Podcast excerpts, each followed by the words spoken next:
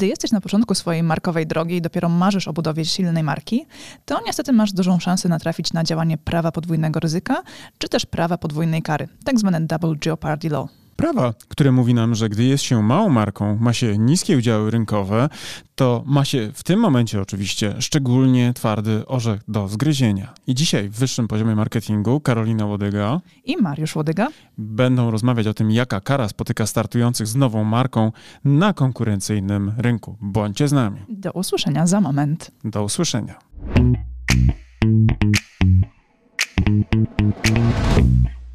Cześć Mariuszu, co tam nowego u ciebie? Cześć Karolino, dobrze. Myślę, że u mnie bardzo dobrze. Może nawet lepiej niż zazwyczaj, bo zaczyna się piękna polska złota jesień i mam bardzo dobre, wiesz, nastroje związane z tym najbardziej dochodowym okresem w życiu biznesowym, czyli cztery ostatnie miesiące roku. No tak, nie ma słońca, nie jest ciepło, nie ma nic innego do roboty, tylko praca. Wszyscy wrócili z urlopów, już teraz się okazuje nagle, że to, co było na przykład zaległe, już nie może dłużej czekać, więc heja, heja, rzucamy się do roboty i... I piszemy do łodygów. Piszą, piszemy do łodygów maile, ratujcie, ratujcie, ratunku.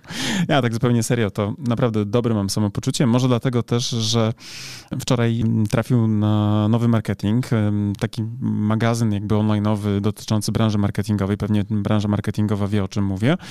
Artykuł z case study naszego klienta FOTC, dawniej Fly on the Cloud, w którym nasz klient opisuje swój proces rebrandingowy który miał okazję zrealizować we współpracy z naszą marką i uwaga, wystawia nam bardzo przychylną y, w ten sposób też opinię, co cieszy mnie szczególnie, bo to był y, bardzo wymagający projekt. No, duża marka, duże przychody, wielu interesariuszy, ponad półtora tysiąca klientów. Zatem taka zmiana jest szeroko komentowana i wiadomo, niesie wiele ryzyk. Zatem, gdy okazuje się, że wszyscy mówią, że jest super i że się świetnie przyjmuje i jeszcze klient postanawia się tym pochwalić i nas oznacza, no to wiadomo, że, że radość w sercu y, jest. Oj tak, jest. Nie tylko z powodu jesieni. jest i to duża, więc jeżeli chcielibyście poczytać na ten temat, to jak jak najbardziej polecamy nowy marketing. Tam jest taki artykuł na ten temat. Ale też Ale... i na grupie naszej, na marketingowych strategiach wzrostu mówimy o tym, więc możecie e, kliknąć i sobie poczytać, no i gdybyście chcieli wiąże. zobaczyć w ogóle efekty naszej pracy, bo my tak do, bardzo dużo mówimy o tym, że mm, działamy strategicznie na rzecz naszych klientów, ale my nie tylko strategicznie działamy, jak się okazuje, bo też wspieramy w tych działaniach egzekucyjnych. Tak i tutaj akurat nasza praca polegała na tym, że pomagaliśmy zespołowi marketingowemu i zarządowi podjąć decyzję o kierunku tej zmiany, tak, podejmowane były decyzje związane z, z renamingiem, czyli z wprowadzeniem nowego nazewnictwa dla marki, ale też przygotowaliśmy e, we współpracy z klientem cały system identyfikacji wizualnej, który bardzo dobrze robi robotę e, i ten niełatwy projekt e, w sumie nieźle spina. Tak. To wszystko, co tam jest w tym artykule. Więc e, tak, radość spora, bo to jest ważne dla nas na pewno tak zwane RTB, o którym też mówiliśmy w jednym z podcastów. Jeśli chcecie dowiedzieć, czym są RTBsy dla marki, to oczywiście odsyłamy do tego odcinka, nie będziemy tutaj tego powtarzać, nie? Tak, no ale też ostatnio jeszcze może tak dodam, że u nas dużo się dzieje, bo podpisujemy kolejne umowy z międzynarodowymi klientami i to też jest dla nas bardzo fajna informacja zwrotna z rynku z kolei, że te osoby nam ufają. No tak, bo w ostatnim podcaście mówiliśmy o tym, że ktoś tam e, mieszkający w Australii poprosił nas o briefie o potencjalnie ofertowanie, ale to tam powiedzmy taka ciekawostka z uwagi na egzotyczną destynację.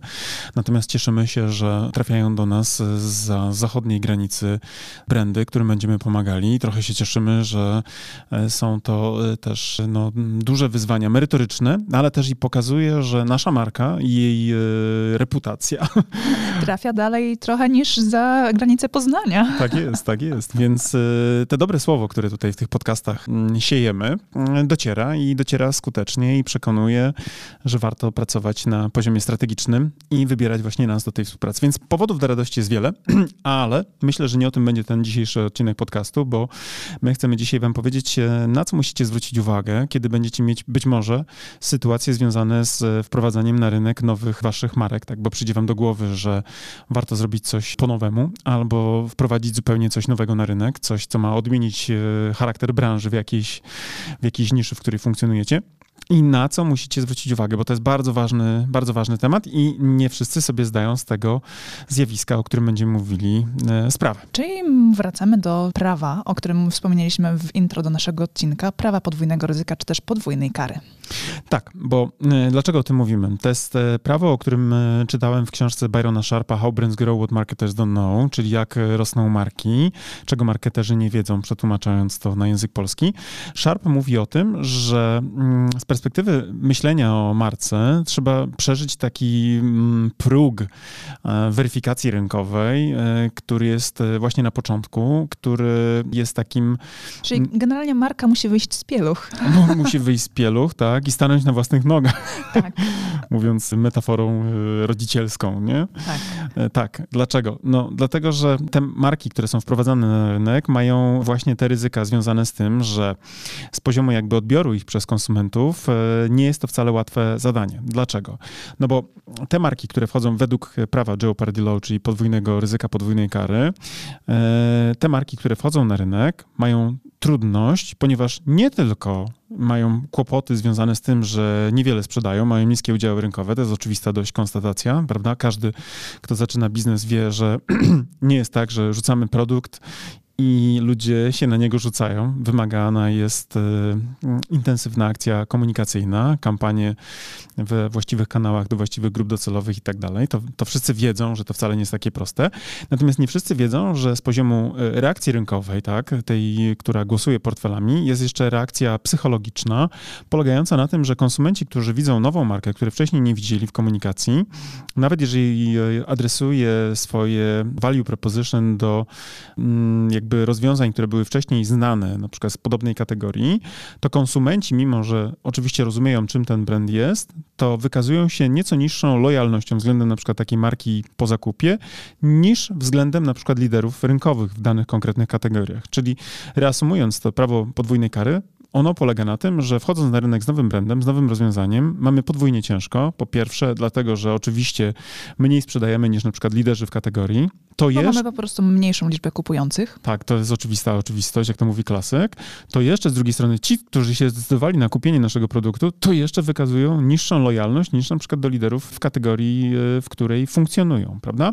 Więc to jest szczególnie trudne i trzeba zdawać sobie sprawę, że być może jest to jeden z największych killerów w ogóle markowych. Tak, a szczególnie szczególnie trudne, jest, w sensie jeszcze bardziej szczególnie trudne jest to w sytuacjach, kiedy działamy na hiperkonkurencyjnym rynku, tak? Kiedy nasza marka powstaje właśnie w takim zatłoczonym środowisku. Wysyconym mocno, tak, nie? Tak, takim tak, tak. sklaterowanym. Tak, tam wtedy to prawo po prostu jest tak zwanym e, czymś, co jest pewnikiem, kiedy startujemy, także mm. musimy być na to przygotowani. Niczym egzekutor, który tylko czeka, aż ktoś się wychyli.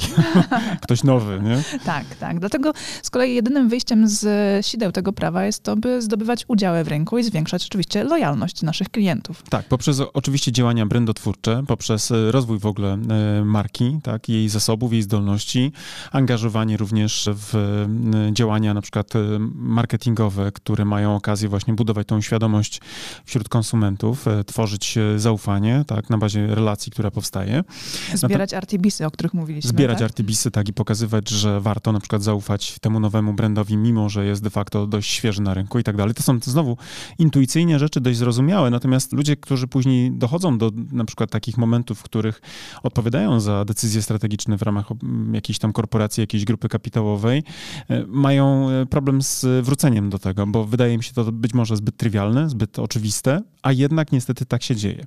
I dlaczego w ogóle mówimy dzisiaj o tym w tym podcaście? No, przede wszystkim dlatego, że my jako strategzy bardzo dużo pracujemy z biznesem, który właśnie ma genialny pomysł, by wprowadzić coś zupełnie nowego na rynek, tak? I my musimy tłumaczyć naszym klientom, że hola, hola, waszym problemem nie jest tylko to, że wy dzisiaj mm, nie macie klientów, waszym problemem będzie również to, że wy de facto tych klientów, których pozyskacie, będziecie e, mieli większy problem z ich utrzymaniem, bo ich lojalność będzie niższa niż y, tych, do których y, brandów, do których się przyzwyczaili właśnie wasi świeżo pozyskani konsumenci. No właśnie i to, o czym wszystkim tutaj mówimy, to w teorii wszystko brzmi ładnie, pięknie. Prosto. Łatwo, tak, łatwo powiedzieć, y, żeby właśnie to zwiększać, ich zwiększać udziały i tak. ich lojalność, no ale oczywiście trudniej zrobić, tak. zwłaszcza gdy musimy jeszcze pamiętać o tym, że początki biznesowe nie należą do najłatwiejszych, a konkurencja nie śpi. No tak, no bo na początku biznesu generalnie zawsze są jakieś deficyty, tak? Deficyty na przykład finansowe. Wiadomo, budżet nigdy nie jest wystarczająco duży, żeby na przykład zrealizować wszystkie cele, bo nawet jak ktoś ma duży budżet y, w jego na przykład miniemaniu, to potem jak zestawi z tymi rywalami, którzy y, stoją już na przykład w jakiejś kategorii na wysokim y, miejscu na podium jakby, to się okazuje, że to jednak jest kropla w morzu potrzeb. Potem się okazuje, że są deficyty na przykład materiałów kreatywnych, bo ich nie było wcześniej, czyli trzeba projektowaniem się zająć. Potem trzeba zacząć działać komunikacyjnej, czyli trzeba na przykład w tej przestrzeni digitalowej dostarczać content, który będzie w wyszukiwarce na przykład znajdowany, a okazuje się, że na przykład na konkretną frazę już jest pierdyliard innych na przykład artykułów, linków czy innych, bo mówimy na przykład o konkurencyjnej niszy, no to, to nagle się okazuje, że z tym nowym, genialnym rozwiązaniem, tak, albo przynajmniej lepszym niż to, co już jest dzisiaj na m, tych półkach sklepowych, przebić się wcale nie jest tak prosto. Nie, nie jest tak prosto. Tym bardziej, że według statystyk co 3,5 minuty pojawia się nowa marka na rynku, rynku, czyli co chwilę pojawia się nowy konkurent, który może odbierać udziały nasze rynkowe. Tak. No i generalnie okazuje się, że jest strasznie tłoczno. Rocznie ile takich marek się pojawia? Wiesz co, y, według Lindstroma, bo te statystyki, o których wam w tej, w tej chwili mówimy, y, czerpiemy z książki Zakupologia Martina Lindstroma. Czyli e, już mogą być nawet niedoszacowane? Mogą być, no bo wiadomo, że na przykład y, Lindstrom napisał tę książkę chyba w 2010, jeśli dobrze pamiętam, datę pierwszego wydania. To wtedy właśnie te, co on sobie wyliczył, że co 3,5 2,5 minuty i zakładam, że kiedy on mówił o nowej marce wchodzącej na rynek, to miał na myśli markę, która ma potencjał, czyli jakiś budżet, jakąś strategię, wiesz, jakieś możliwości realizacji tak, tej egzekucji tej strategii. Natomiast być może nie miał na myśli wszystkich ludzi, którzy, nie wiem, wchodzili na rynek JDG pracy. JDG rejestrowane. J, JDG na przykład gdzieś tam, nie wiem, e, wiesz, e, w podpoznańskiej jakiejś miejscowości, na jakimś poddaszu jakiś gościu na przykład postanawia utworzyć jakąś właśnie małą niszową mareczkę, o której e, nikt nie usłyszał, prawda? Czy też jakikolwiek inny zakątek świata. Prawdopodobnie miał na myśli, mówiąc o metodologii jakby zbierania tego badania, tak, czy robienia tego badania, miał na myśli jakieś bardziej znaczące byty, tak? A i tak mu wyszło, że aż to 156 tysięcy rocznie, no bo co, co 3,5 minuty mniej więcej daje 156 tysięcy nowych marek, które próbują wejść na rynek i powiedzieć, hej, hej, my też coś mamy do powiedzenia, my też jesteśmy atrakcyjni, kupcie nas, a nie na przykład tych liderów, tak? I tu jakby nie tylko my jako challengerzy, którzy wchodzą na rynek z jakimś tam rozwiązaniem mamy problem, to jeszcze się okazuje, prawda, że ci, którzy są już na rynku, co chwilę słyszą, ja pierniczę, patrz. Kolejni się Kolejni. Wydają. Kolejnym się wydaje, że zrobią to samo, co my, tylko taniej i lepiej. no, więc y, tu y, na pewno jest trudno i to prawo podwójnej kary na pewno dotyka trochę jak filtr tych absztyfikantów, którzy próbują się przepić, wiadomo, ale z drugiej strony też oczywiście wiedzmy o tym, i to znowu przytoczymy statystyki Lindstroma, że średnio na świecie 82% właśnie tych challenge'ujących marek y, wypada z rynku, tak? Aż, aż 82% i uwaga, w zaledwie 3 miesiące od y, startu, od odpalenia tego batonu tak. hop hop do przodu. Hop, hop hop do przodu i tu już się kończy po tych trzech miesiącach. Tak. No ale oczywiście to się y, różnie rozkłada w, na naszej kuli ziemskiej, prawda? Te statystyki są w zależności od miejsca troszeczkę inaczej oscylujące. Możemy powiedzieć, że my tutaj w Europie, zwłaszcza środkowo-wschodniej, mamy trochę więcej szczęścia, ponieważ najbardziej taki zabójczy dla nowych marek jest rynek azjatycki. E, według Lindstroma najbardziej taki śmiercionośny obszar geograficzny, w którym moglibyśmy myśleć o tym, żeby robić biznes, jest Japonia, bo tam aż 97% nowych pomysłów markowych e, w trzy miesiące od startu ulega kilowaniu, tak? bo na przykład nie dowożą zakładanych wyników. Aż 97%. Ja na konferencjach, jak ten case przybliżam, to zawsze mówię, moi drodzy, jakbyście dostali kiedyś okazję, na przykład jako brand managerowie, pracować w Japonii, bo ktoś was skusi jakąś dobrą robotą, to od razu tak czy siak bukujcie e, bilety z drogą powrotną właśnie na trzy miesiące i w tej pracy nie za bardzo się do niej przykładajcie, bo statystycznie i tak z niej wylecicie. Tak, patrząc na to, że tylko 3% według tej statystyki przetrwa na rynku dłużej niż 3 miesiące, to trzeba być szaleńcem, żeby w ogóle się odważyć, żeby tam zakładać nową markę. No ale z drugiej strony, jakbyś wzięła na przykład pod uwagę to, jakie są później benefity dla tych, którzy przetrwają, przebiją się, przejdą. miesiące. Po tych, no, no, w czwartym miesiącu na przykład, nie? Przetrwają te pierwsze trzy miesiące, no to potem być może dochodzimy do wniosku, że jednak warto na przykład, nie? Zakładać trochę jak w tej takiej typowej kulturze startupowej. No liczę się z tym, że 9 na 10 projektów projektów nie wypali, ale za to ten dziesiąty wynagrodzi mi wszystko. Nie? Był przedwojenny taki amant w Polsce, słynny oczywiście też z kariery wojskowej. On służył pod Józefem Piłsudskim, taki słynny generał Wieniawa Długoszewski.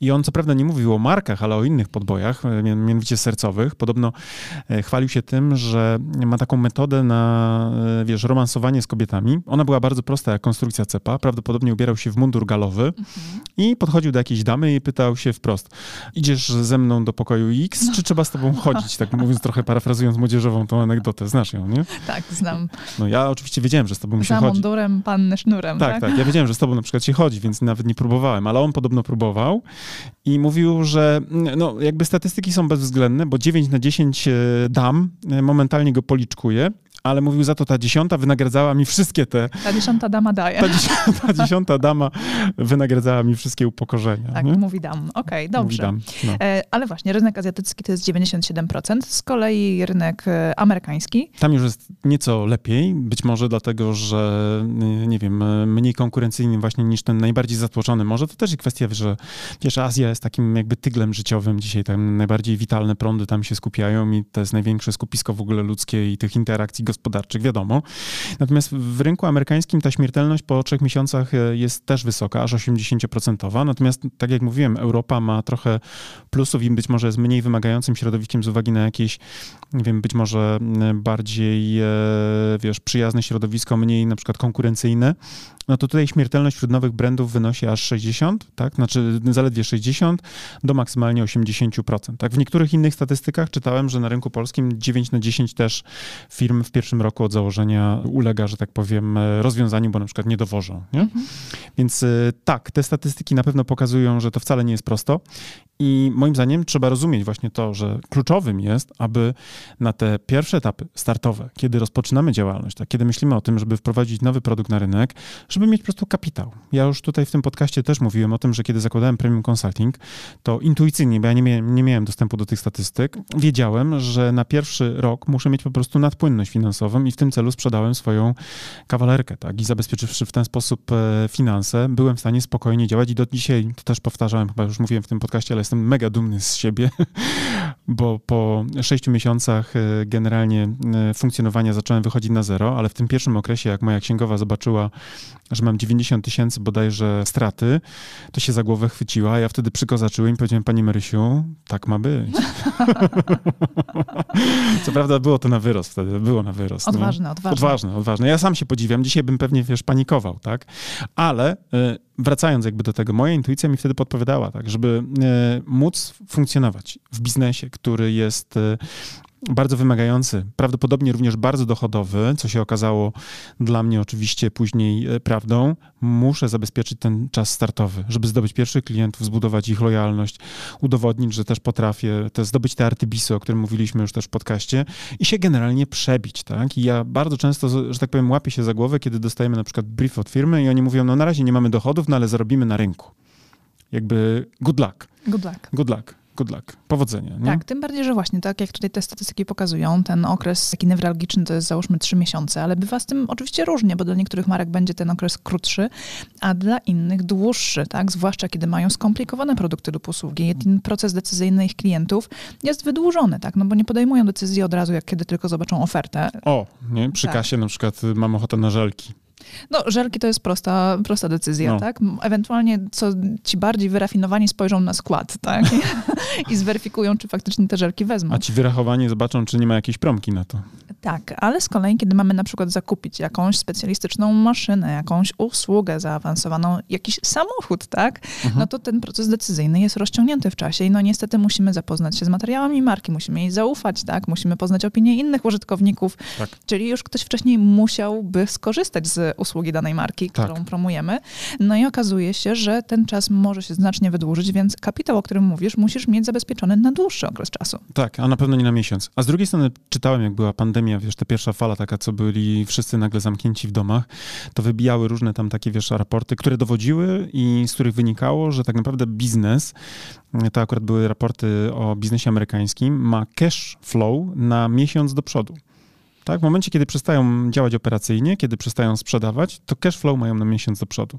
To dla mnie też jest niesamowite, bo ja y, sobie nie wyobrażam sytuacji mm, jakby dyskomfortu, który byłby związany z tak niską płynnością, gdy prowadzisz biznes, y, na przykład mając już pracowników, y, czynsze, leasingi, zobowiązania i inne historie. Tak, dla nas generalnie byłoby to pewnie życie w ciągłym stresie, tak? Bo chociażby mm, klasyczne złamanie nogi czy ręki tak. wykluczycie na przykład swojej działalności biznesowej na x tygodni, tak. bo na przykład okres rehabilitacji czy mm, dochodzenia się do siebie, nie mówiąc o jakimś, nie wiem, wypadku samochodowym czy, czy czymkolwiek innym, jesteś wykluczony, no jak automatycznie twój biznes pada, bo nawet nie bierzemy w tym momencie pod uwagę pandemii, tak? Ja się zastanawiam, jak ci przedsiębiorcy w ogóle funkcjonują. No znamy takich, którzy mają taki mindset trochę zamykam oczy i robię swoje. Jadę. Nawet, nawet nie sprawdzam, ile mam pieniędzy, bo jak sprawdzę, to mnie to wykończy, nie? Mhm. Wiesz, wystresuje mnie to za bardzo. Tak. Mam mamy też znajomych klientów, z którymi gdzieś tam przecinały nam się drogi zawodowe, którzy e, przez na przykład pół roku złotówki nie widzieli e, zysku netto, bo cały czas jadą na przykład na stracie. I to też jest jakby inne spektrum problemów, które to wiąże. Natomiast pamiętajmy o tym, że wchodząc na rynek, generalnie rzecz biorąc, na pewno nie będzie tak różowo. Możecie gdzieś tam się nasłuchać różnych historii inspirujących case'ów zawodowych, że ktoś rzucił pracę w korpo i zaczął od razu zarabiać miliony albo odkrył wspaniały sposób e, na jakąś aplikację, którą pobrało 12 milionów ludzi na świecie i tak dalej. To są wspaniałe case'y. Tak, to się doskonale czyta, ale z drugiej strony raczej to są e, sytuacje, bym powiedział, w stylu historii o wygranych w Totolotto. Mhm. Nikt nie twierdzi, że nie wygrywa się w lotto, są takie osoby, które wygrały e, i one ewidentnie są szczęściarzami. Natomiast ja bym nie budował prognoz na życie finansowe w oparciu o historię, że prędzej czy później no, te 12 baniek z lotto wyciągnę. Nie? I teraz y, szansa na to, że na przykład, nie wiem, ja jak, jako początkujący przedsiębiorca wejdę z czymś na rynek i nagle właśnie zacznę generować milionowe przychody, jest raczej e, niewielka. Oczywiście są, tak jak powiedziałem, bardzo dobrze e, udokumentowane case'y takich sukcesów, natomiast większość musi liczyć się z tym, że przez jakiś czas generalnie jadą po bandzie. Tak? Tu się nie spina, tam ledwo, ledwo, tu muszą się kredytować, tu nagle się okazuje, że trzeba pożyczać od rodziny, bo w danym momencie na przykład zabrakło na wypłaty dla pracowników. E, jeden z naszych klientów w zeszłym roku, znaczy w, w pierwszym półroczu, żeby wypłacić pensję pracownikom, musiał wziąć duże właśnie kredyty kredyty, y, pożyczał nawet od swojego bodajże pracownika pieniądze, a w pewnym momencie musiał zwolnić część ludzi, bo nie miał na pensję, tak? A był to biznes dość dojrzały już z perspektywy jakby, wiesz, lat trwania na rynku, a nie mhm. mówimy o takim pierwszym etapie, nie? Więc jeżeli myślicie o tym, że rzucicie robotę w korpo, i zaczniecie robić coś e, po swojemu, macie pomysł na jakiś produkt, to weźcie pod uwagę to, że być może te pierwsze trzy miesiące bardzo mocno was zweryfikują. Tak, nie skreślamy waszego pomysłu, nie, nie, nie. ale po prostu weźcie to pod uwagę. Tym bardziej, że... Co więcej, chętnie wam opracujemy strategię i tak. pomożemy opracować inne materiały dystynktywne dla waszej marki e, i chętnie was wesprzemy w tym procesie i nie chcemy wam mówić, że macie tego nie robić. Ale z drugiej strony bądźcie realistami, bo tak. być może zanim sprzedacie swoje mieszkanie, jak Mariusz w 2006 roku, e, to warto jednak zastanowić nieco bardziej. Oj tak.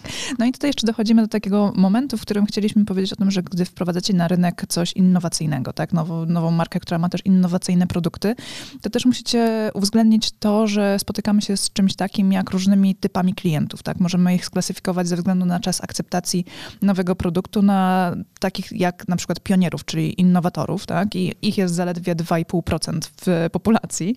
I to są osoby, które generalnie są pierwszymi konsumentami, które są są też e, akceptujące nowości od razu, ale też tych nowości cały czas aktywnie poszukują i szukają też lepszych rozwiązań i lepszych produktów. Tak? I one zazwyczaj też patrząc na ich budżet i zasoby, mają większą możliwość gospodarowania gotówką i e, finansami, by móc zaryzykować właśnie w postawieniu na jakieś e, i jeszcze nie do końca sprawdzone rozwiązanie. To są ci goście, którzy kupili pierwsze Tesle. pierwsze iPhony. Pierwsze iPhony, pierwsze Maki na przykład, tak. albo jakieś tam inne rozwiązania technologiczne, Pierwsi które... skorzystali z carsharingu. Albo pierwsi zrobili strategię marketingową, bo się okazało, że na przykład na YOLO przestali, tak? tak?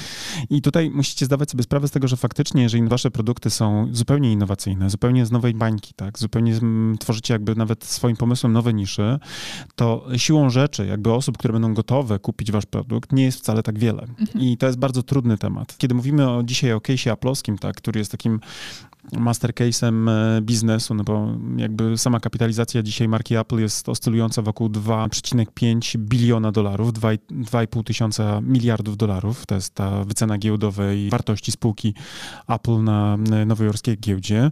No to kiedy Steve Jobs wprowadzał iPhone'a w 2008 roku na rynek, to nie było tak, że te iPhony nagle zapragnęli wszyscy ludzie I na świecie. wszyscy je mają. Tak, doskonale wtedy Steve Jobs wiedział, że on sprzedaje produkt przede wszystkim do ludzi szukających innowacji, gadżetów innowacyjnych, takich, które sprawią, że te właśnie e, potrzeby tej grupy docelowej zostaną zaspokojone. Natomiast on absolutnie wtedy był w stanie przetrwać e, biznesowo, dlatego że po pierwsze miał już markę, już ona na czymś tam zarabiała, miał jakiś kapitał, z którego czerpał, na przykład wcześniejszy sukces samego e, iPoda, tak, on był przecież też mocno dochodowym produktem, pozwolił mu w ogóle w tych pierwszych miesiącach, w pierwszych latach de facto, w pierwszej generacji w ogóle iPhone'a pospinać to finansowo, tak? Tak, i to znowu nam pokazuje, że generalnie, 2000... jeżeli wchodzicie z czymś innowacyjnym, to ten kapitał, który musicie mieć zabezpieczony na początek, to nie są tylko pierwsze trzy miesiące, tak. tylko okazuje się, że musicie zdecydowanie dłuższy czas e, mieć. Przewidzieć ten cykl tak. życia produktu na dłuższy okres niż dwa tygodnie. Tak. tak. I teraz trzeba wiedzieć, że z perspektywy jakby wchodzenia na rynek iPhone'a w 2008 roku, no to Jobs challenge'ował wtedy takich rywali jak chociażby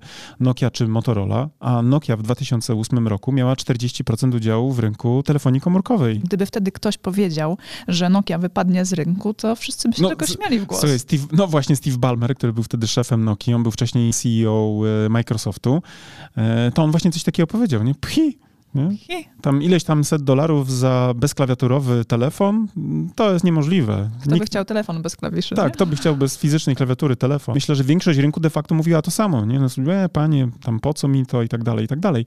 Natomiast oczywiście, że później w ramach tej dyfuzji innowacji okazało się, że ci innowatorzy zakazili wczesnych naśladowców, a potem po latach produkt trafił do mainstreamu, można powiedzieć, szeroko pojętego. I dzisiaj nie trzeba być jakimś wielkim gadżeciarzem szukającym innowacji, tylko po prostu zwyczajnie szukasz luksusowego gadżetu, który wyrazi twoją snobistyczną naturę, tak jak na przykład moją. tak jak twoją, no ale tak właśnie. Że nawet nie wiem, jakie ja mam funkcje w tym telefonie, no umówmy się, nie? Po no, nie masz mam, najmniejszego pojęcia. Po to go mam, żeby krótko mówiąc na spotkaniu pokazać, że mnie stać na iPhone'a, nie? Co prawda no, noszę jeszcze tą wersję, która była jeszcze opalana węglem, ale wiadomo, tak, o co w tej grze chodzi. Więc pamiętajcie o tym, że wprowadzanie nowych produktów na rynek wcale nie jest prostą sprawą i niezależnie od tego, czy jesteście jakimś wielkim brandem, tak, bo takie marki do nas też trafiają. Na przykład dzisiaj jesteśmy w procesie ofertowym dla dużej korporacji, która posiada e, w pewnej kategorii bardzo mocny brand, do nas napisała po to, żeby właśnie rozpocząć proces e, tworzenia strategii marketingowej i ich te zasady będą tak samo dotyczyć, jak takiego na przykład jakiegoś właśnie, nie wiem, początkującego biznesmena, który wchodzi na rynek z czymś tam, co właśnie uznał za najbardziej y, niedocenianą na przykład funkcjonalność, którą on właśnie chce światu teraz dostarczyć w formie jakiegoś produktu albo też w jakiejś usłudze. Tak? To naprawdę niestety nie jest tak łatwo i trzeba być gotowym na to, aby przetrwać te trzy miesiące, a może nawet dłużej a może nawet dłużej, w zależności od tego, z czym wchodzicie po prostu na rynek. Tak jest. Bo wcale nie powiedziane, że jak przetrwacie trzy miesiące, to na czwartym już będziecie się nacierać hajsem, żeby ktoś nas literalnie później nie brał pod, pod włos. Przetrwaliśmy i... trzy miesiące, łodygowie do... Oddajcie mi bejmy moje, tak. nie? Tak. Bo ja w czwartym miesiącu miałem już tutaj zarabiać. Tak. Znowu mi wszedł ten akcent, zauważyłaś? ja może nie powinienem ruszać tego podlaskiego akcentu, bo ludzie pomyślą, że mam coś do Podlasia. No to nie ruszajmy może. Nie ruszajmy, nie? nie, nie, nie w każdym razie musimy zdawać sobie sprawę, że może być tak, że i zatrybicie dopiero po roku. Albo tak. po dwóch. Tak, może tak być. Dlatego musicie być na to przygotowani, no ale też pamiętajmy o tym, że generalnie jeżeli znamy wroga, z którym walczymy, tak, tak jest. w tym przypadku znamy te nieprzychylne statystyki, znamy też to prawo podwójnego ryzyka, czy też podwójnej, podwójnej kary, kary mhm. tak, to nam zdecydowanie łatwiej z tym wrogiem po prostu walczyć. A jeżeli chcecie poradzić sobie z tym, żeby wasza na przykład e, koncepcja strategiczna na samym początku nie zawiodła, to oczywiście gorąco was zapraszamy do współpracy, bo możemy wam pomóc z naszym zespołem opracować strategię marketingową, co też chętnie uczynimy, prawda? Tak, i w jakim uwodzicielskim tonie to wleciało. Bo wszedł już mi taki mindset sprzedażowy, nie? Taki mm, mm, mm, już zero Podlasia. Amant. Amant, no. Amant marketing. Uwodzący, uwodzący, uwodzący.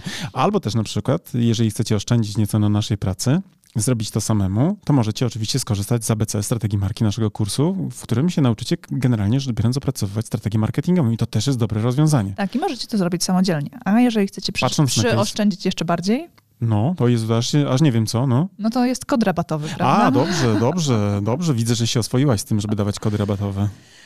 Nie oswoiłam się, jeszcze Słyszę to westchnięcie, słyszę. Słyszę. Zatem hasło podcast wpisywane przy składaniu zamówienia w odpowiednim polu daje wam 15% zniżki na kod, na kod na kurs w tym momencie. Tak. I moim zdaniem absolutnie warto, ponieważ jeżeli znamy sobie, tak mamy uświadomione te trudności związane z wprowadzaniem nowego brandu na rynek, to jeżeli ja wierzę w coś, to na pewno wierzę w to, że dobrze poukładana strategia pomoże wam przejść przez te pierwsze trudne miesiące, pokonać ten próg i wyjść na, na ludzi, jak to się mówi, nie? Na, wyjść na brandy. Wyjść na brandy. Bo, dlaczego jesteś pijany? Bo wyszedłem na brandy. no, to, to chyba na tyle To dzisiaj, chyba prawda? na tyle. Moja ty- Kończ, skończymy tym brandy. skończymy te brandy bez piątek i trzeba zacząć iść pić. To Tak, znaczy idziemy robić, na brandy. Idziemy, idziemy na brandy, żeby nie brędzić. Tak. To co? No. To w takim razie do usłyszenia, drodzy słuchacze, w kolejnym odcinku. Tak jest, bądźcie z nami. To był wyższy poziom marketingu Mariusz Łodyga? i Karolina Łodega. Bez zmian. Bez zmian. Cały czas małżeństwem są. Cały czas. Do usłyszenia. Cześć. Do usłyszenia. Cześć.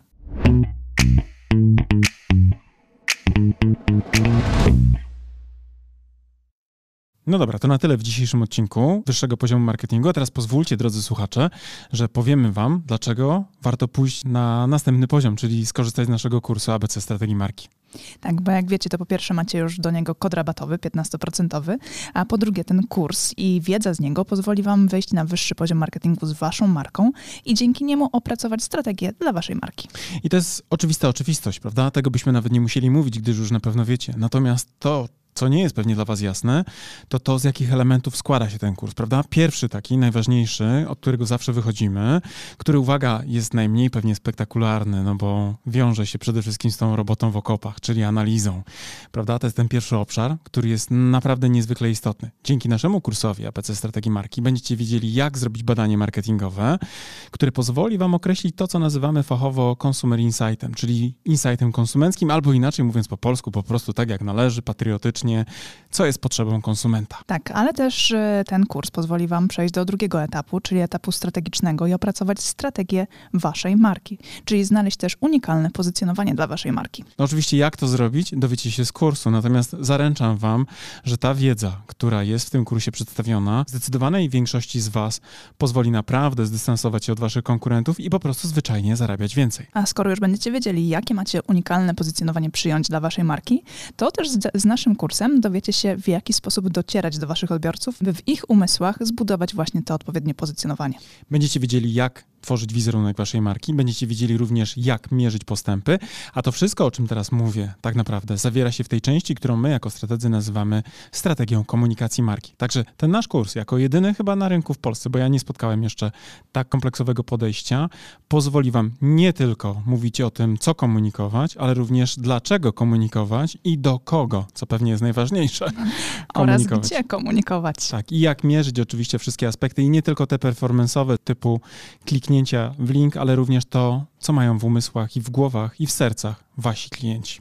Generalnie ten kurs posiada bardzo, bardzo dużo informacji na temat tego właśnie w jaki sposób, gdzie i co komunikować. I jeżeli chcecie się dowiedzieć dokładnie, co jest zawarte w naszym kursie, to zapraszamy na naszą stronę internetową. Natomiast z mojej strony mogę wam powiedzieć, że z czystym sumieniem go polecam jako współautor, ale też jako człowiek, który bardzo często wraca merytorycznie do tego kursu, bowiem nawet dla mnie, jako do człowieka, który pracuje na co dzień, ta wiedza, którą tam zebraliśmy, jest fundamentem, do którego ja też często wracam, kiedy potrzebuję pewne rzeczy sobie przypomnieć. A jak to robię? Przede wszystkim za pomocą własnej prezentacji, bo w tym kursie nie tylko jest treść wideo, ale również macie mnóstwo bardzo wartościowych załączników, chociażby na przykład 512-stronnicowa prezentacja. Ale uwaga, niech to Was nie przeraża, ponieważ te slajdy są zrobione w sposób bardzo przyjemny i w taki sposób, że nie są przesycone treścią, a z drugiej strony esencjonalnie pokazują to, co jest w tej treści najważniejsze.